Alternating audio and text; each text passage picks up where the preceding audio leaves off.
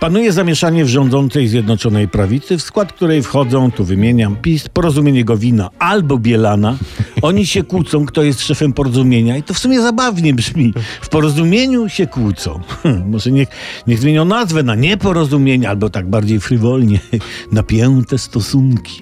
Dobra, pan Gowin coś tam samodzielnie próbuje robić na drutach przy opozycji. Zbigniew Ziobro, szef Solidarnej Polski, usiłuje lepić tam własne wazoniki i się burzy, bo mu usunięto z rządu wiceministra aktywów państwowych. Może za bardzo pokochał aktywy państwowe ten wiceminister, nie wiemy. No w koalicji są tarcia. Prezydent jeszcze przyklepał to powrotem z nad korytarzem życia.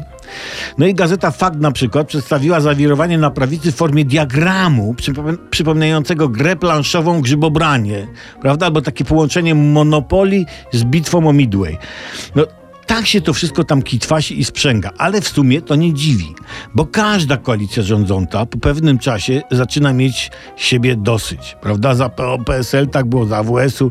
Wyczerpali się ludzie nadający się na stanowiska, znudzili się sobą, zestarzeli się.